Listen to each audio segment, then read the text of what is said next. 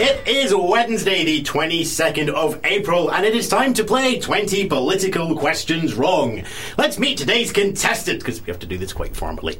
Absolutely. My name is. Yep. No, no, no, no, no, no. Wait, see, I say name in the script, and then you give me your name, Martin, okay? Oh, okay. Right then. Name, Martin Viet. occupation. Um, uh, at the moment, politician. Tell us something we don't know about you. Uh, that I'm from Lowestoft originally. Right then. DJ Banter, Dan. Um, well, gosh, Lowestoft. I mean, that's not giving you an awful lot to work with. You, Fish. fish. Fish, there you go. Fish. Fish. Fish. Fish. What was your favourite song by Fish from Marillion? Oh no, sorry, I can't go there. Can't go there. Okay, Marillion. You know how you know how jealous I Marillion know. gets. Marillion is off subject. Right then. Martin, you have two and a half minutes to get 20 questions wrong in a row. I'm going to ask you a series of multiple choice questions. All you have to do is give me the wrong answer, and then we will move on to the next question. You can interrupt the question, but if you fail to answer or you give me the right answer, you'll hear this noise. Oh, that's unpleasant. Get them wrong then. Uh, when you hear that noise, we will go back to the first question to start again. We'll go through the list as many times as it takes or until the timer runs out. After that two and a half minutes is up, you will score five points for every wrong answer in the longest chain, and then we'll give you one more chance to score. Okay. Okay. Now, the target, of course, is 60 points. Um, on our political scoreboard uh, from Ian McGill in the last show, and uh, if you fail under that, I'm sure he will mention it at the next hustings. Yes, I'm sure you might. Sure he will. Right then, kids, everybody, Dan, Martin, we're going to get the questions wrong. Are you ready? Ready? Let's play 20 questions wrong. Martin Orvir, what is the surname of Crystal Palace footballer who earned his title Goal Machine? Martin Revere. Um, Martin. That's the wrong answer. We'll move on to question two. Dwyfer or Cardiff? Where was Lloyd George the Earl of? Cardiff. That's the wrong answer. We move on to question three. Yeovil or Bovril? What is the name of Paddy Ashdown's parliamentary seat? Bovril. Green or blue? What colour are the benches in the Northern Ireland Assembly? Quickly. Blue. That's the right answer. We move back to question one. Martin or Fair? What is the surname of Crystal Palace footballer who earned the title Goal Machine? Martin. Dwyford or Cardiff? Where was Lord George the Earl of? Cardiff. Yeovil or Bovril? What was the name of Paddy Ashton's parliamentary Bovril. seat? Green or blue? What colour are the benches in the Northern Ireland Assembly? Green. Blue or green? What colour are the benches in the House of Commons? Quickly. Blue. Lion or hippopotamus? What, according to some random baby naming website that Dan found, is leaf mean in Arabic? Hippopot- hippopotamus. Hippopotamus is the wrong, is the wrong, wrong answer. Martin Revere. What is the surname of Crystal Palace footballer who earned the title Goal Machine? Martin.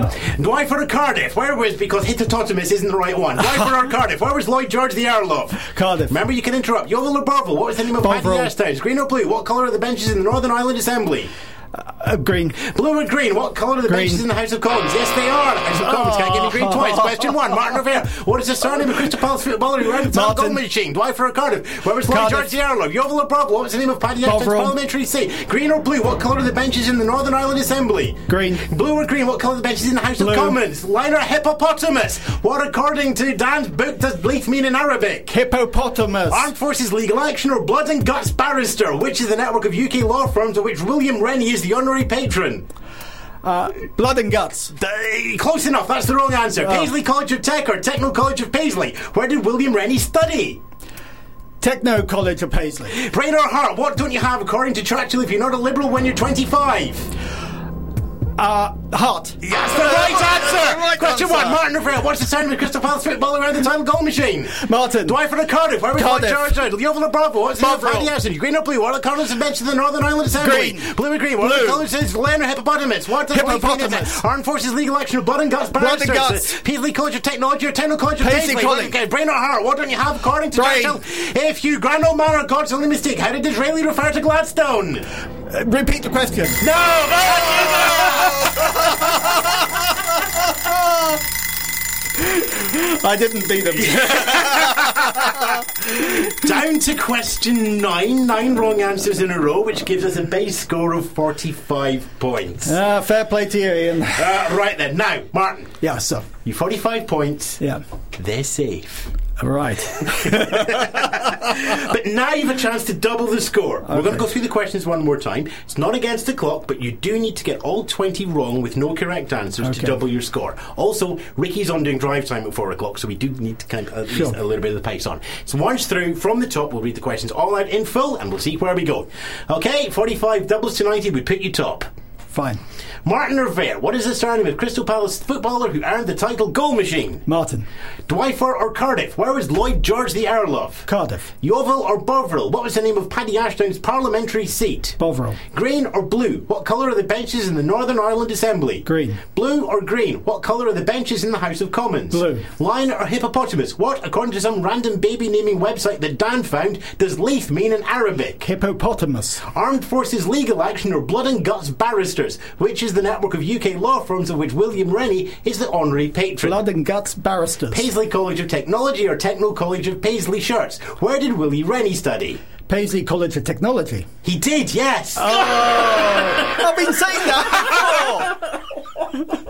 I've been saying that before. And that, my friends, is 20 questions wrong. And Liberal Democrat contestant on that one, Martin Baird, getting himself down to question nine, which puts him second on the leaderboard on 45 seats. And a coal 45 seats, and back to coalition deals.